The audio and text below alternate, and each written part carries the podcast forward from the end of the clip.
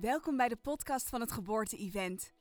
Het Geboorte-event is er speciaal voor iedere vrouw die bewust haar zwangerschap beleeft en de geboorte van haar baby zo natuurlijk mogelijk wil laten verlopen. Voor de vrouw die vanuit regie en kracht wil bevallen en vol zelfvertrouwen aan het moederschap begint. Op het Geboorte-event vind je onze professionals die alle hun liefdevolle bijdrage leveren aan jouw zwangerschap, de geboorte, de kraamtijd en het eerste jaar van jouw moeder zijn. In iedere aflevering van de podcast hoor je steeds twee van onze partners die vertellen over hun passie en drijfveer op weg naar een bewustere geboortezorg.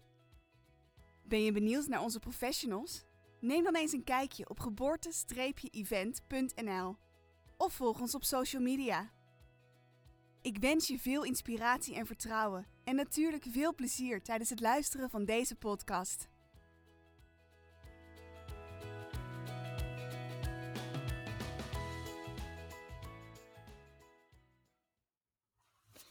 Nou, uh, Hanny, jij, uh, jij bent van Beste Nine Moms en uh, ik ben Wendy van uh, Doula for Life. En ja, wij zitten hier bij elkaar en ja, wat, hoe is het bij jou ertoe gekomen om Best Nine Moms te beginnen?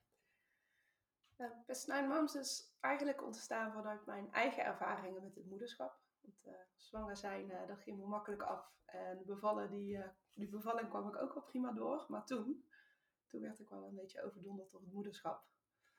En ik heb uiteindelijk uh, met vallen en opstaan geleerd daarmee om te gaan en daar een balans in te vinden. En vooral een, uh, het is vooral een weg geweest in ook mezelf beter leren kennen en weten wat ik nodig heb om me goed te voelen. Dus ja. altijd, als mama zich goed voelt, dan gaat het gewoon goed met het gezin. Ja, zeker. Ja, dat is sowieso. Dat is sowieso dus dat, ja.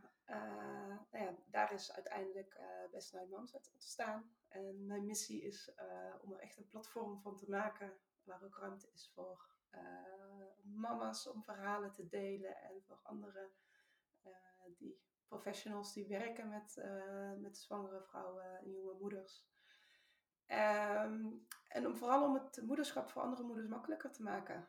Ja, ik vind het echt heel mooi, want dat zei ik al hè, toen ik hè, jouw, jouw blogs en alles las, dan dacht ik echt van, ja, je, je spreekt vanuit je ervaring en vanuit je, je hart, zeg maar. En ik denk dat er heel veel vrouwen aanspreekt. En ik denk dat er ook heel veel behoefte aan is, aan, aan hetgene wat jij, uh, wat jij biedt. Ja, zoals bijvoorbeeld jouw, uh, jouw kraamplan. Kun je daar iets meer over vertellen? Ja, ik heb een workshop voor het maken van een kraamplan. Vaak maken vrouwen wel een plan voor de bevalling. En daar zijn ze heel uitgebreid mee bezig. En dat is ook goed, denk ik. Maar de periode daarna, uh, het is ook goed om daar eerst over na te denken. Want uh, het is nieuw, er komt heel veel op je af. natuurlijk weet je niet hoe de bevalling verloopt en hoe je kindje zal zijn en wat het karakter zal zijn. In ja, precies. Ja. Maar ge geef jezelf de tijd om daar aan te wennen door vooraf al wat dingen vast te leggen. Hoe ga je oppasregelen, misschien voor oudere kindjes. Uh, hoe ga je zorgen dat je een gezonde maaltijd hebt? Hoe ga je werken aan je herstel? Ik heb vorig jaar een onderzoek gedaan naar de kraamtijd. Heel veel kraamverzorgenden gesproken, heel veel jonge moeders. Nou, over mooi. hoe die periode ook is. En daaruit kwam wel dat de meeste moeders niet voorbereid zijn op de fysieke impact van de bevalling. Dus het is goed om daar alvast vooraf over na te denken hoe je daarmee omgaat. Ja, zeker. Uh, maar ook de mentale impact van het moederschap. En uh, ik zeg vaak, uh, het maakt niet uit hoe het allemaal loopt en wat je overkomt. Het is allemaal nieuw, het is allemaal wennen, maar een stukje mentale voorbereiding. Ja, zeker. En rust en ontspanning in die kraamtijd kan er wel voor zorgen dat je makkelijker die periode doorkomt. Ja, zeker. Daar ben ik het ook helemaal mee eens. Want dat geboorteplan ben ik natuurlijk bekend mee. Maar uh, een kraamplan vind ik ook echt ja, heel mooi en zeker net zo belangrijk. En dit was zeg maar de eerste keer dat ik daarvan over hoorde. En toen dacht ik, goh ja, wat, wat, wat een goed idee om dat te doen. En ja, ook heel mooi. En ik denk dat het zeker heel waardevol is.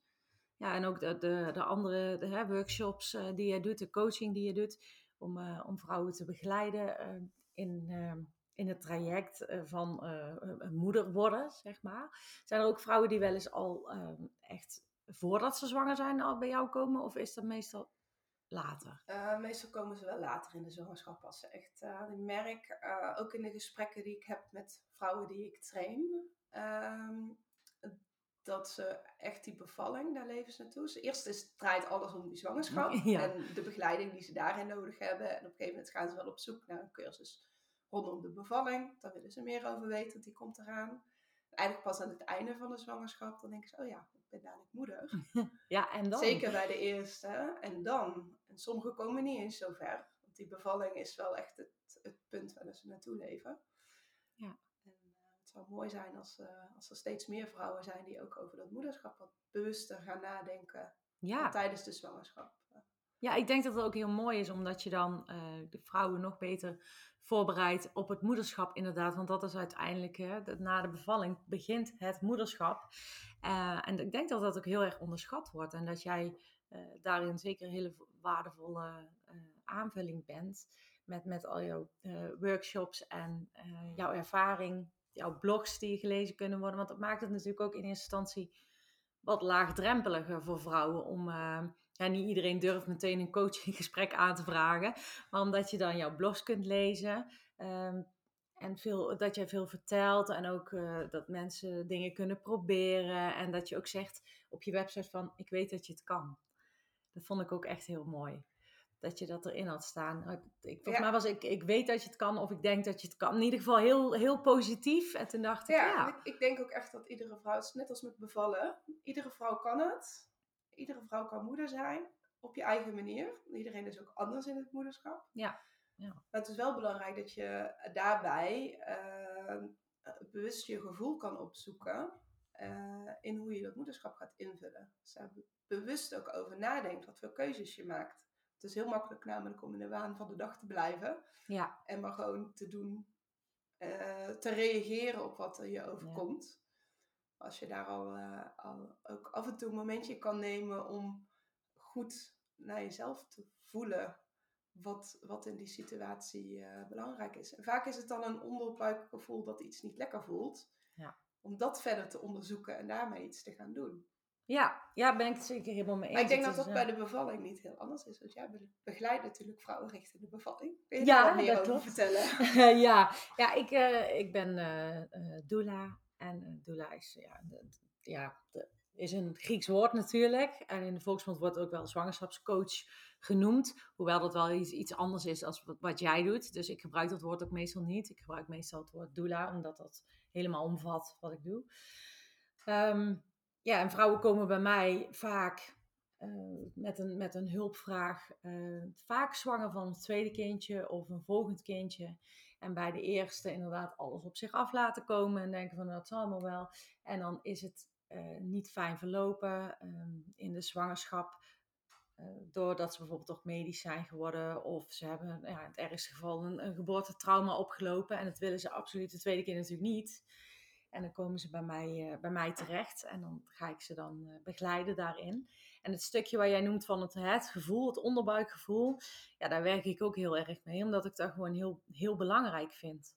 Um, omdat je heel veel dingen uit, vanuit het moederschap, vanuit je gevoel doet. Uh, zou moeten doen, zo moet ik het eigenlijk zeggen. Want ik denk dat heel veel vrouwen dat nog niet, nog niet goed doen. Er is natuurlijk uh, in, in deze tijd heb je natuurlijk heel veel te maken met, met uh, internet en, en noem maar op. En het heeft enorm veel voordelen, maar ook heel veel nadelen. Want vrouwen gaan alles opzoeken en ze zien uh, bepaalde influencers op, op Instagram. Um, die lijken perfect plaatje neer te zetten. En dan denken ze van, oh, maar dat kan ik helemaal niet. Of daar voldoe ik niet aan. Of ze denken, ik moet daaraan voldoen. Dat merk ik ook al bij de, bij de zwangerschap, uh, zeg maar. Um, en dat er heel veel voor, vooroordelen zijn. Opgelegd eigenlijk door de maatschappij. Van, ja, weet je, uh, wordt bijna raar aangekeken als je een thuisbevalling wil. Want ja, dat is toch niet verantwoord? Sommige mensen krijg ik echt hoor, die, die dat zo zeggen. En dan zeg ik van ja, wat, wat wil je zelf? Dus terug naar het gevoel en vanuit daar uh, de begeleiding doen. Ja. Dat is heel mooi. En ik denk dat dat uiteindelijk ook heel veel vrouwen een veel positievere bevallervaring kan geven. Ja, ja en ook, ook al soms wordt het dan toch uh, medisch, willen ze thuis bevallen, moeten ze uiteindelijk toch naar het ziekenhuis. Maar doordat ze dan helemaal de, de regie zeg maar zelf houden, um, wordt het dan niet als vervelend ervaren. Omdat eh, zij blijven ehm, ja, de touwtjes in handen houden.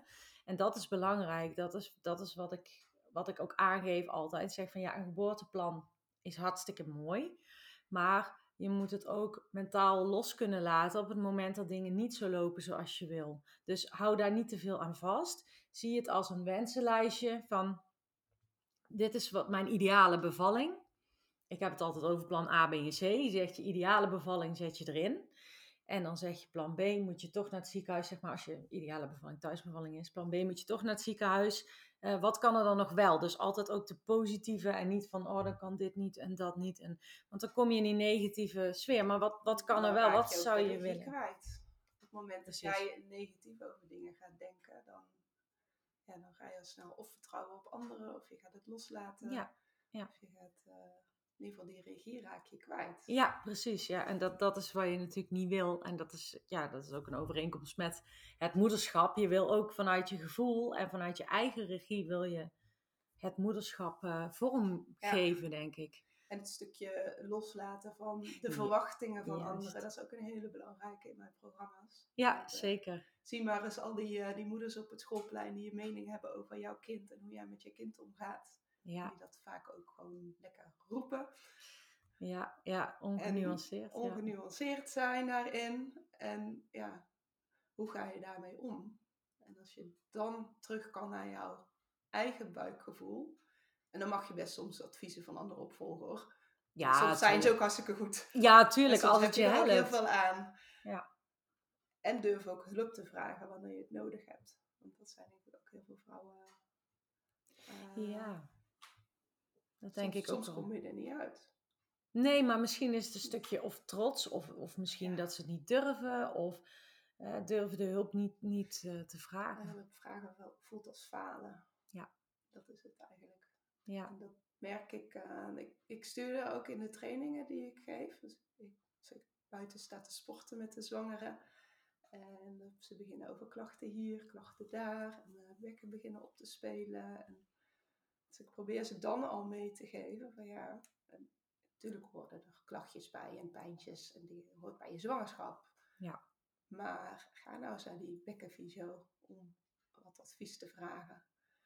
Uh, als ze terugkomen naar de bevalling, dan meestal stuur ik ze eerst daar even heen. Dus ik vraag wel even door van, ja. heb je nog ergens last van? Of hoe is je bevalling gegaan? Als ik denk van nou, uh, ik durf hier niet meteen te, mee te gaan beginnen. Of ik kan beter nog even wachten. Succes, even daar langs. Ja, dat is, uh, dat is zeker zo. Daar zijn ze super blij mee achter, achteraf. Dus ja. soms is het echt een stap. Ja, dat is het vaak. Dat is als het ze het dan eenmaal gedaan hebben, dan is het wel... Uh, ja. hebben ze er superveel aan.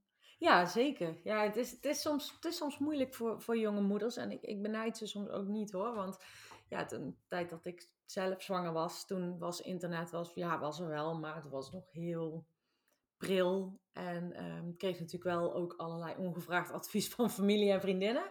Maar dat had toch minder impact dan het hele het internet uh, gebeuren. Um, ik merk vaak als ik uh, de cursus uh, Relax Bevallen geef, die ik dan geef, dan dat vrouwen zeggen van, oh ja, um, ja, als ik dan over bevalling hoor van de verloskundige of ik lees er dingen over uit, uit boeken, dan gaat het toch weer heel anders als op televisie en in de film.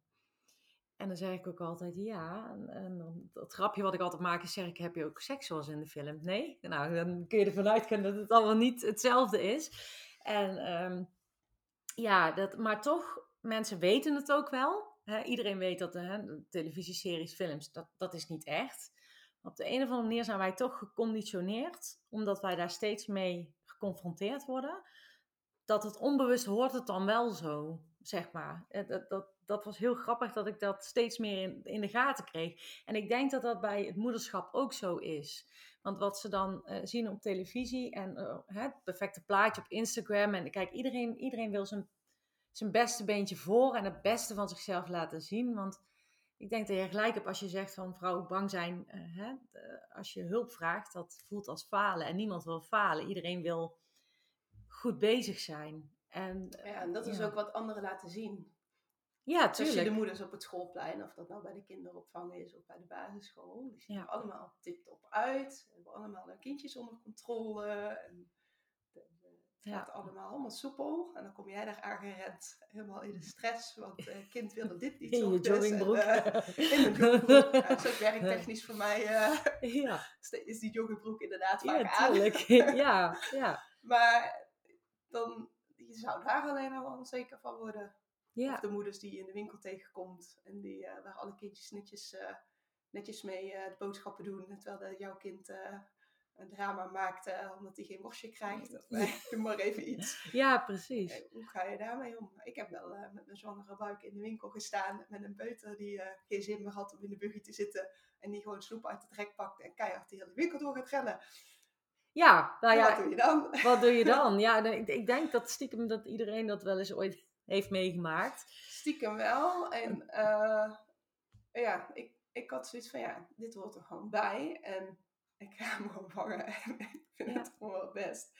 Maar ja, je ziet er genoeg moeders in. Dit is ook een stukje schaamte. Ja, mijn, ja. mijn kind luistert niet. En dan voelt het als falen van jou. Terwijl het het eigenlijk helemaal niet is. Want het is gewoon peutergedrag. Ja, En dat hoort erbij. En alle Ja. peuters doen dat. Ja. Maar, een stukje eh, acceptatie inderdaad van dat het, dat het normaal is en dat je bepaalde dingen ook eh, dat, die, dat die gewoon gebeuren omdat het inderdaad bij de peuterpuberteit hoort en eh, hè, de peuters die doen dat nou eenmaal zo. Ik ben twee en ik zeg nee en eh, dat, Ja. maar hoe meer jij Ja. je daar tegen verzet. En dan denk ik bij de bevalling ook. Hoe meer je je verzet tegen die bevalling. Hoe moeilijker je het jezelf eigenlijk maakt. ja, ja, dat is zo. Ja, en ik Als denk je, als je ja. dat los kan laten, dat verzet tegen wat ongemakkelijk is, of wat pijnlijk is, of wat. Ik denk dat je daar zoveel mee kan winnen. Ja, ja. En dat, dat, dat is ook echt wat, wat wij samen gemeen hebben, zeg maar. Dat, dat wij eh, eh, allemaal denken aan het, hè, het gevoel en het leren loslaten. Ehm, dat het dan beter loopt dan wanneer je krampachtig probeert vast te houden aan iets. Waarvan jij denkt dat dat moet of eh, hè, de andere mensen hebben dat niet. dat soort dingen. Ja, En voor veel is dat ook de, de regie houden, is de controle houden en alles op jouw manier willen blijven doen. Terwijl het eigenlijk de regie houden is je gevoel volgen, denk ik. ja, En of dat Ja. nou met je bevalling is, of in het moederschap, of op je werk, dat maakt eigenlijk niet zoveel uit. nee, precies. Ja. eh, ik zie bij mijn driejarige heeft een hele hoge controledrang. En die is gewoon super angstig. Ja. En ja, dat zie ik bij heel veel vrouwen ook terug. Kijk, zolang ik maar de controle hou, dan weet ik wat er gaat gebeuren. Ja. En dan zal het wel goed komen. Maar meestal is dat juist het krampachtige. ja, dat is het waardoor prachtige. het, Ja. eh, niet loopt zoals het, eh, zoals het kan lopen. Nee, ja, dat, dat is, ja, daar heb je het helemaal gelijk in, vind ik. Dat, dat is het echt. Het is ook, eh, ja, als ik inderdaad over het geboorteplan en zo heb, dan heb je vrouwen die zeggen dan, die kijken mij aan van, eh hebben we het bijvoorbeeld over houdingen die je dan fijn vindt. Dan zeggen ze, ja, maar ik, ik weet nog helemaal niet welke houding ik wil bevallen. Ik zeg, nou, prima Dat is ook toch? prima. We weten dat welke houdingen er ongeveer Ja, zijn. deze, deze, deze eh, zijn er. Maar je hoeft dat niet vast te leggen in het plan. Dan zie je ze soms ook echt wel opgelucht. Want ik zie heel veel hè, de vrouwen die dan aankomen met een kant-en-klaar eh, printje van wat ze van de verloskundige krijgen. Met eh, vragen allemaal erop die ze dan moeten invullen. Op zich zeg ik altijd, is daar niks mis mee, want dat zet je tot, tot nadenken. Alleen schrijf het geboorteplan eh, zelf. Ja, het heet een geboorteplan, maar ik noem het altijd geboortewensen. Ehm, schrijf, schrijf het zelf, weet je wel. Je hoeft niet eh, antwoord te geven op standaard vragen. Het zet je tot nadenken, maar schrijf het vanuit je gevoel. En sommige vrouwen krijgen dan best wel een lange, lange lijst. En dan ben ik wel iemand, dan ga ik wel met ze doornemen en zeg ik van ja, weet je, als je zo'n hele lange lijst hebt, dan ehm, is het moeilijk voor, voor mensen die bij jouw bevalling zijn, verloskundige of gynaecoloog, wie er dan ook bij is, om dat helemaal te lezen. Dus ik kijk vaak als vrouwen bepaalde dingen willen. En dan zeg ik van, oh nou ja, dat is eigenlijk een beetje standaard in de geboortezorg. Dus dan hoef je niet specifiek eh, te vermelden in het geboorteplan, want dat gebeurt dan automatisch. Het gaat meer om de dingen die voor jou heel belangrijk zijn en die jij juist eh, anders wil dan standaard, zo zeg maar. Zij weten dat natuurlijk niet, dus het is belangrijk dat ze vanuit het gevoel het schrijven. Ja, dat is voor een, voor een eerste versie. Dus je het dan samen Ja, mee precies. tot een, eh, En dat doe ik bij mijn kraamtijdplannen ook. Ja, ik heb nou, onderwerpen waar ze het over gaan hebben. En ik vertel heel veel wat de mogelijkheden is. Ik krijg een heel overzicht met wat is er allemaal mogelijk. Ja, precies. En uh, ja, sommige dingen moeten ze gewoon lokale afnemers gaan zoeken. Ik werk natuurlijk online. En ik weet niet uh, in heel Nederland wie er allemaal bepaalde dingen aanbieden. Nee, precies. Nee, dat kan dus, uh, En dan kan ik ze natuurlijk wel adviseren weer daarin. Als ze er echt behoeftes aan hebben. maar ze krijgen een hele lijst met een aantal onderwerpen die terugkomen. En ja, dan is het aan hun, wat, wat wil jij?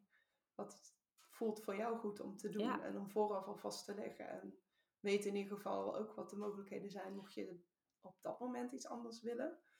Ja, precies, want dat is ook niet, tenminste, dat, dat doe ik dus ook dan. Ik heb een, een, een doosje met, met kaartjes en daar staan dus allerlei dingen op. En je vertelt mensen dingen waarvan ze niet eens wist dat dat een mogelijkheid was bijvoorbeeld hè, over de, de hè, je krijgt standaard zo'n navelklem in het, uh, in het uh, kraampakket. En ja, natuurlijk werkt dat, want dat zit erin. Alleen je hebt ook als alternatief bijvoorbeeld uh, een ring of een navelveter. Um, en daar vertel ik dan ook over dat dat bestaat. Ik wil niet zeggen dat je dat moet gebruiken, maar dat bestaat. En dan laat ik ook voorbeelden van zien. En dan zeggen ze, oh ja, dat vind ik eigenlijk veel mooier. Ja, dat wil ik eigenlijk wel. Ik verkoop die zelf niet, maar dan kan ik wel zeggen van, ja, dat is er. Dus Ga op zoek Ga naar, op zoek naar wat je wilt. Dat is dan een simpel voorbeeld. Maar ook, ook andere uh, dingen dat mensen zeggen van... Goh, ja, dat wist ik helemaal niet. Dat ik uh, opties was, uh, had. Ik hoor heel vaak bijvoorbeeld dat mensen zeggen van... die gebruiken heel vaak het woord moet. Ik moet dit. Of mijn verloskundige zegt dat ik moet dat. En dan zeg ze altijd, kijk ze altijd aan en zeg ik altijd, je moet helemaal ik niks. gisteravond die discussie daar nog over. Dat de dame tijdens uh, de training zei van ja, maar bij je bevalling, zeker in het ziekenhuis, dan moet je toch gewoon de gynaecoloog of de verloskundige volgen. Zo, nou, volgens mij is jouw bevalling, jouw lijf, jouw kindje. Dus je hebt altijd een keuze. Is het verstandig om ze niet te volgen? Ja, sommige gevallen niet. Sommige gevallen wordt het gewoon gevaarlijk als je het niet volgt. Maar weet dat je altijd een keuze hebt. En als het voor jou niet goed voelt, praat dan in ieder geval over risico's, over wat zijn de alternatieven. Vraag ja. daarna. Vaak zijn er nog andere opties. Ja, precies. De brains heb je dan. Hè? Die, die, uh, die afkorting, die geef ik ook altijd aan, aan, eh, aan vrouwen mee. Dat, uh, dat is zo'n overzichtje daarvan. En dat, ze gewoon, dat je best wel even stil mag staan. Ik zeg het feit dat het tijdens een bevalling echt spoed, spoed is. Dat je met, met over de gang moet racen met dat bed naar de, naar, naar de verloskamer of naar de operatiekamer om een keizersnede. Ik zeg, die, die kans is heel erg klein. Ze, ze grijpen daarvoor meestal al in of stellen voor om te gaan ingrijpen. En als je denkt van, oh, ik, het gaat helemaal even, het wordt even te veel. Zeg, vraag gewoon even een, een time-out. Al is het maar even twee minuten. Al gaat iedereen even de kamer uit en ben je twee minuten alleen met jouw partner en heb je het er eventjes over tussen de weeën door van... En dat wil niet zeggen dat je dan uh, de, de verloskundige of gynaecoloog uiteindelijk niet kan volgen. Maar het kan even bezinken. En, het... en dan was het een bewuste keuze. Juist. Dat zorgt wel weer dat je bevalling in ieder geval een positievere ervaring Ja, want uiteindelijk heb, heb jij dus de regie. Dus jij krijgt uh, de kans om, om na te denken. En uiteindelijk die beslissing te maken vanuit jezelf. In plaats van dat je het gevoel hebt van ik moet per se volgen. En ja, ik denk dat dat, dat, dat gewoon heel, heel belangrijk is voor, voor vrouwen, zowel hè, voor de bevalling als daarna. Dat je gewoon weet van, hé, hey, ik heb een keuze. Ik moet niet per se dit of ik moet niet per se dat. Maar ja. Nou ja en dat is met het moederschap hetzelfde. Ja, precies. Uh, er zijn heel veel opties. En, en er zijn heel veel manieren om hetzelfde te bereiken. En uh, ik, ik werk ook altijd vanuit, tenminste bij mijn eigen kinderen, richting wat, wat hebben zij nodig en wat zijn mijn behoeftes. En daar moeten we een combinatie van gaan maken. Je kunt ja. niet als ouder altijd, ik wil dat mijn kinderen dit doen, of ik wil dat, of ik, uh, ik heb die daar tijd voor mezelf nodig. Of ik, uh, er zijn nog wel vrouwen die denken, oh na de bevalling dan uh, moet ik weer flink gaan sporten, want ik wil mijn oude lijf weer terug. Ja. Wat heeft dat voor consequenties voor je kinderen? Zien ze daardoor mama minder? Of word je daardoor juist heel gestrest omdat je allemaal dingen van jezelf moet? Ja. Wat dan ook weer effect op je kinderen heeft. En wat hebben je kinderen nodig? hoeveel hebben ze jou nodig? Wanneer hebben ze, moeten ze slapen? Wanneer eh, hebben ze voeding nodig? En daar zul je een combinatie van moeten maken. En de ene keer kies je wat meer voor jezelf. Jij moet ook lekker in je vel zitten om een goede moeder voor je kinderen te kunnen zijn. Ja. Maar je kinderen hebben ook dingen van jou nodig. En ja, daar zul je een match in moeten maken. Ja, balans. En, ja. daar, eh, en dan heb je nog je partner, die ook nog ergens eh dingen heeft. Nou ja, en ik ken genoeg partners die zeggen, oh, eh, zaterdagochtend, dat is mijn hobbyochtend, dus ik, ik ben er vandoor. Maar zodra je kinderen hebt, is dat dan nog handig? Of moet je dat op een andere manier? Of maak je daar een wissel in van, nou, ik doe de, de ochtend en jij mag de middag gaan doen wat je wil? Ja. Het, het kan allemaal, maar heb het daar wel over met elkaar. Ja. En dat, eh, ja, ik merk, en dat merk ik bij mijn, mijn eigen partner ook wel eens, dan is het, eh, oh, ik heb dit ingepland. En ik, oh, maar dat moet op zaterdag, want jij werkt de hele week. En eh, wat ga ik dan doen met de kinderen? Ja, ik vind het gezellig een middagje met de kinderen, maar wanneer mag ik, eh wat Dan kan ik dan dit ja. doen? Dus dat we daar echt wel, eh je kunt Ja. niet heel je agenda meer vol plannen met iedere avond eh, een borreltje hier en een eh, etentje daar. Nee. En dan eh, die avond wil ik naar de bioscoop en eh wil ga ik sporten. En dat gaat niet meer. Nee. nee, dat kan niet meer als je kinderen hebt. En, dan, dan En die kinderen willen jou ook zien. Niet iedere avond. eh, ja, als maar een half uurtje ben ik dan weg voordat de kinderen naar bed gaan. Dat kan niet iedere avond. De kinderen willen ook een keer dat papa een verhaaltje voorleest en dan een keer mama. En, eh, Ja, ja, Dat, m- eh, ja dat, dat, is, eh, dat is zo. En ik denk dat je dat ook, ehm, dat dat ook inderdaad wordt onderschat, de, de impact van, hij begint al met zwanger zijn, bevalling, maar zeker de periode daarna dat je kinderen hebt, hoeveel impact dat ook heeft op, op je relatie. je relatie met je partner en je relatie met je kinderen. Heel, de, heel die balans die, die moet ontstaan. En ehm, ook dat is geen vastgegeven. Ik zei al, eh, ik heb, ik heb natuurlijk... kinderen eh, groeien mee. En Ja. Dus je moet ook dat ritme gaan aanpassen. Ja. Op een gegeven moment gaat je kind rond een uur of zeven naar bed. En dan slaapt hij. En dan heb je de avond vrij, een soort van. Maar er moet wel iemand thuis blijven. Ja, ja, bijvoorbeeld. Ja, en ik zei, mijn kinderen zijn bijvoorbeeld ouder, dan heb je pubers. En die kunnen wel heel veel dingen zelf. Maar het nadeel is dat je dan moeilijker tijd voor eh, samen kunt vinden met je partner. Want mijn kinderen die zijn gewoon tot tien uur 's avonds zijn die gewoon eh, op in het weekend. Dus ja, dan eh, samen op de bank eh, televisie kijken, dan bijvoorbeeld of een spelletje doen. En we doen heel veel dingen ook met de kinderen. Maar soms wil je ook alleen met je partner even iets doen. En dan komt er weer even voorbij, getrippeld. En ja, is allemaal leuk, maar dan, da- ook dan is het moeilijk om, om tijd voor je samen te vinden. Ja. Maar dat, dus dat blijft, dat, die ontwikkeling, dat blijft gaan vanaf. Ja, want het is, ik zeg ook altijd, een, een plan is, is een plan en is een leidraad. En dat of dat nou je bevalplan is, je kraamplan of eh, de manier waarop jij het ouderschap aanpakt. Er gebeuren constant dingen dat je gaat bijstellen, evalueren, het met, el- in ieder geval met elkaar in gesprek blijft, en dingen gaat aanpassen daarin. En eh, ja, is je plan eh, voor jaar 1 van je kind is niet hetzelfde plan als bij jaar 4 of bij jaar 10 Nee, je kind verandert, krijgt andere ritmes, andere behoeftes. En jijzelf waarschijnlijk ook.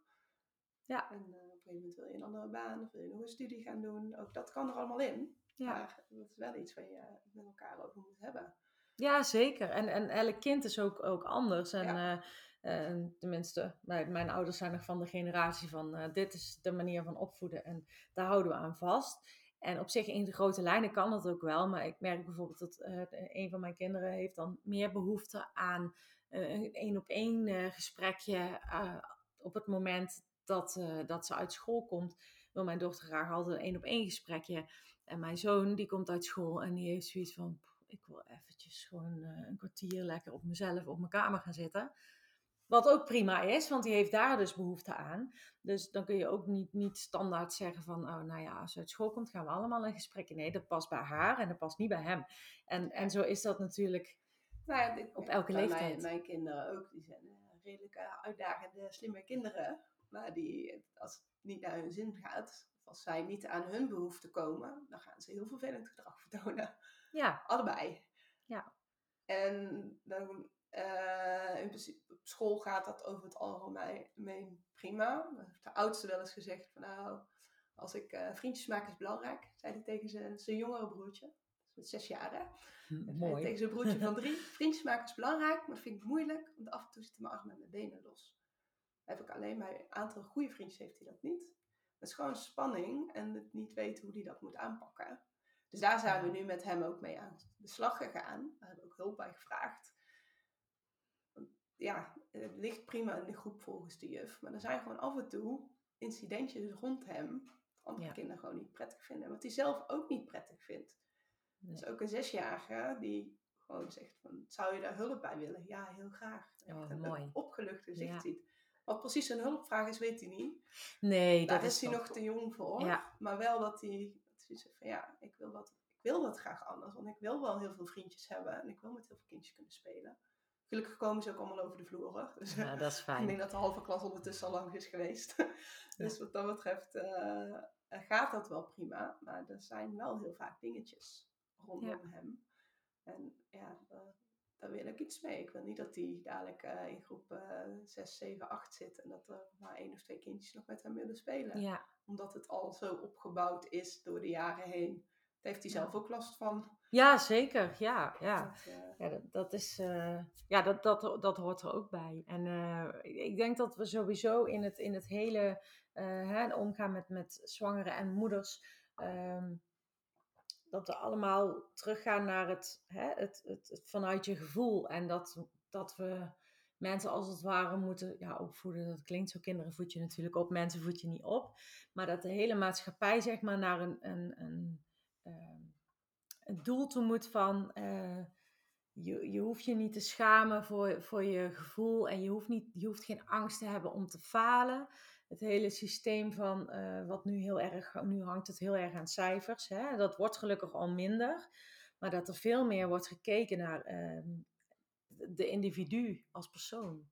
En ik probeerde ook bij mijn hè, begeleiding al als doula en eh, zwangerschap, maar ook eh, de traumabegeleiding, probeer ik ook echt te kijken naar de, de individu. En, en, eh, en ik denk dat jij dat natuurlijk net zo goed ook doet, omdat er is geen pasklare oplossing die past bij iedereen.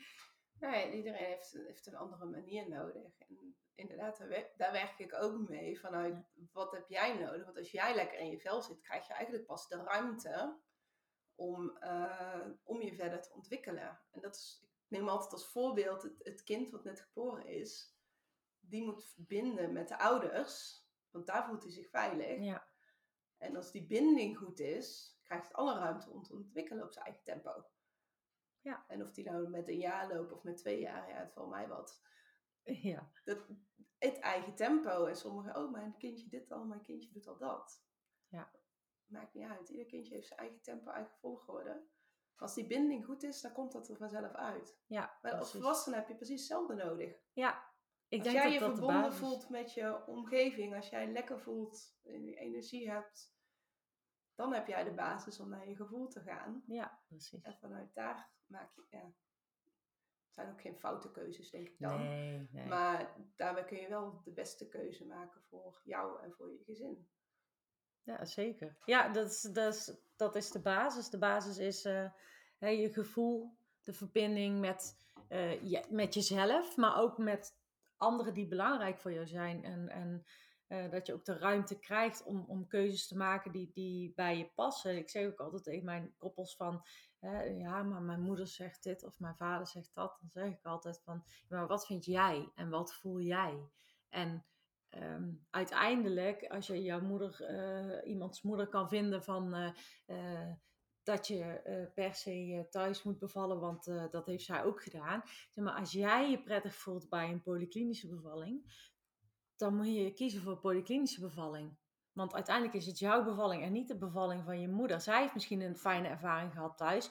Maar als jij al koude rilling krijgt bij het idee van, dan moet je dat niet doen. Ik zeg altijd wel van laat je goed informeren. Ik geef vrouwen wel eh, de opties. Want ik, ik zeg van ik ben niet eh, eh, tegen iets of per se voor iets.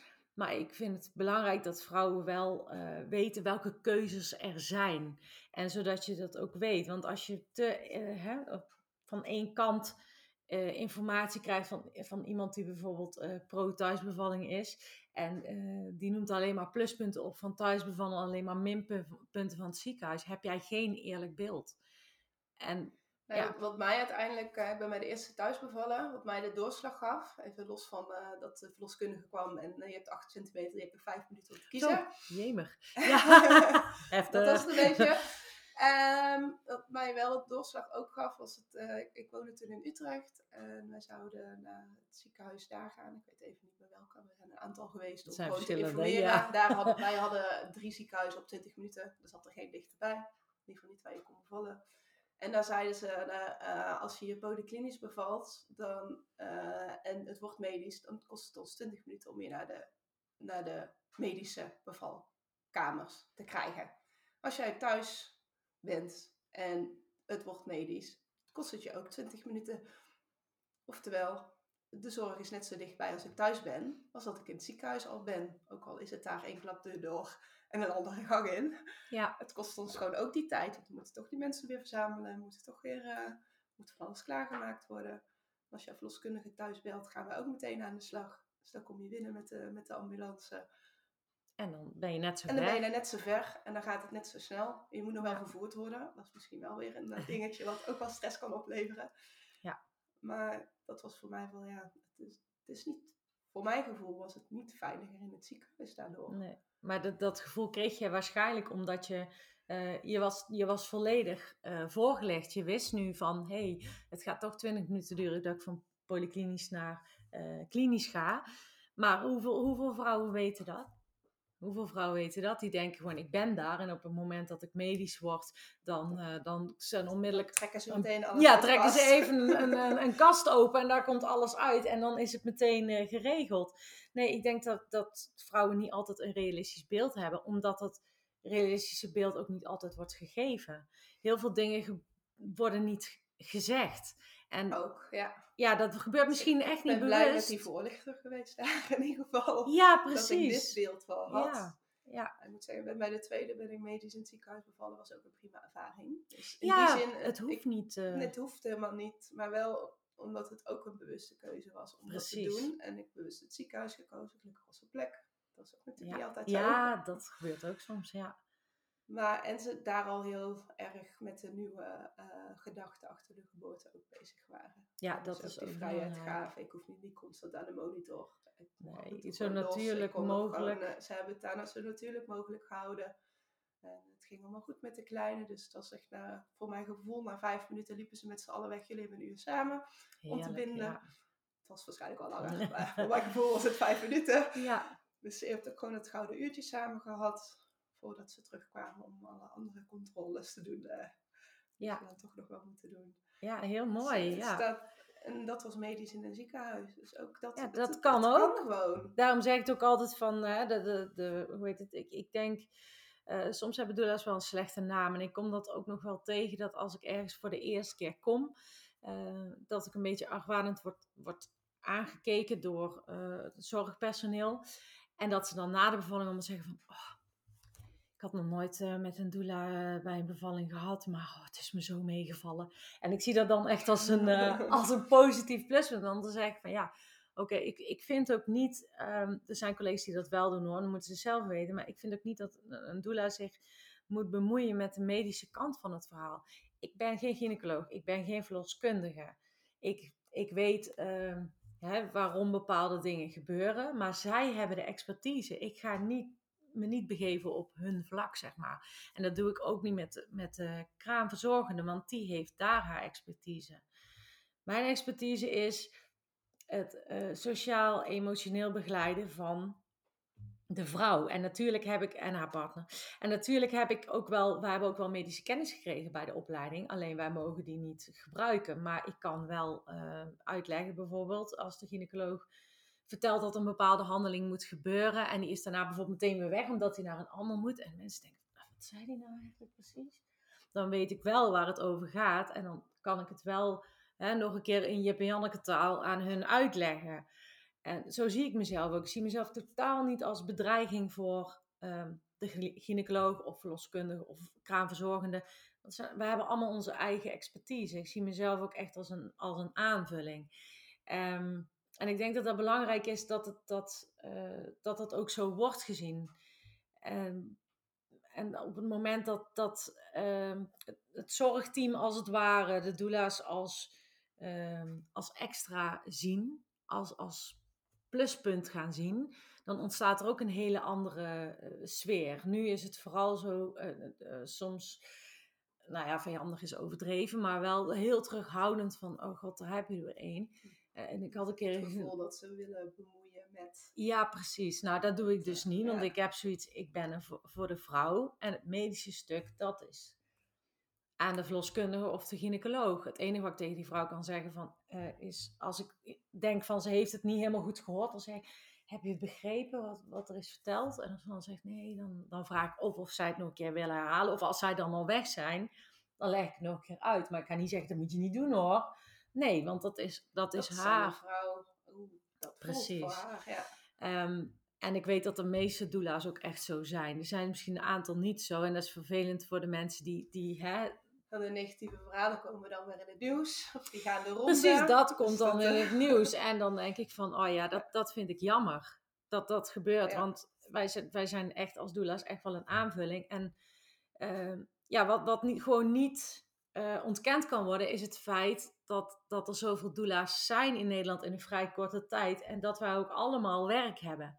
Wij vervullen een behoefte. En als je dat, hè, daarover hebt met verloskundigen, dan kunnen ze ook niet uh, ontkennen.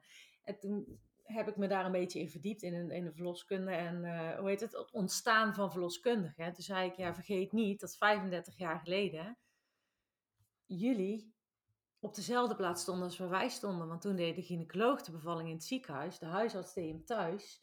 En toen kwam daar ineens de verloskundige, die werd ook met argusogen aangekeken van, oh god, nou gaat hij een beetje hier overnemen. Is niet eens een arts. En toen had ik het erover en toen zei ze van, ja, inderdaad, want ze was nog een jonge verloskundige, ze had dat niet zelf meegemaakt. Ze zei, ja, inderdaad, dat is ook zo. Ik zeg, ja, en zo kijkt kijk iedereen nu naar ons.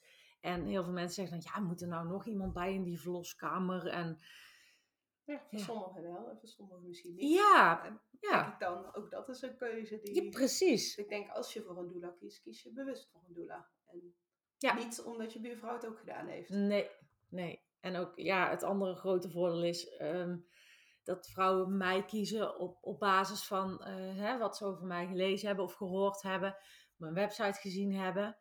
Ehm, je hebt ook altijd dat kennismakingsgesprek. En als die klikker is, dan is het goed. Dus dat, dat is het belangrijkste. En bij een verloskundige praktijk ehm, kun je heel goed een klik hebben met, met de verloskundige waarmee je het eerste gesprek hebt. En denkt van, oh, dat loopt helemaal fijn.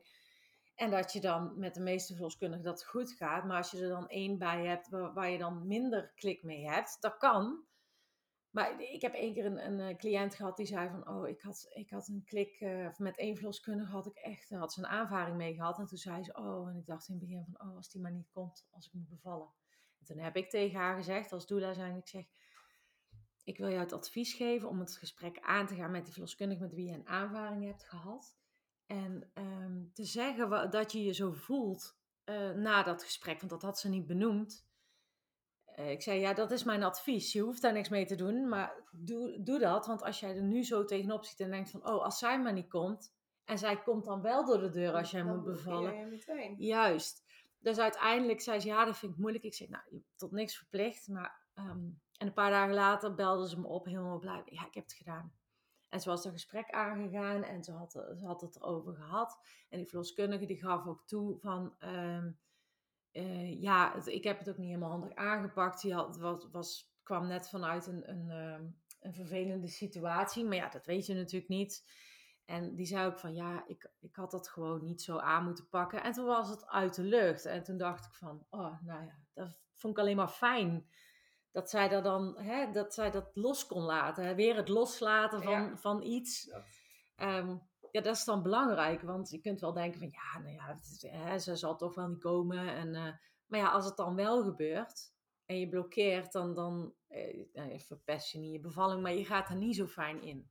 Nee, het heeft wel invloed op je bevalling. Ja, en op de start van je kind en alles wat daarna komt. Ja, dus, zeker. Ja, ik vind dat wel uh, heel belangrijk. Ja, we kunnen nog uren doorgaan, denk ik.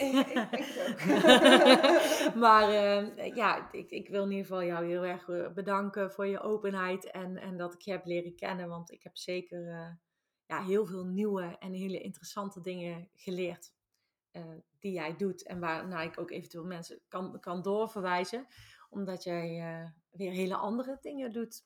Ja, en ik vond het ook mooi om, eh, om met een doula te spreken. Ik spreek ze niet zo heel vaak. nee. Het is wel mooi om even een inkijkje te krijgen in eh, wat jij doet, hoe je het aanpakt. En ik denk inderdaad dat we heel veel dingen gemeen hebben. Alleen een ander onderwerp eh, aanhalen ja. rondom wel het moederschap. Dus, Ja, ja wij- ik denk dat wij sowieso met z'n allen bij het geboorte-event maar dan ook echt aan elkaar aanvullen. ja, En eh, we hopen veel, mooi. veel moeders te kunnen helpen, denk ik. ja, zeker. Ja, nou, dankjewel. ja, jij ook heel erg bedankt.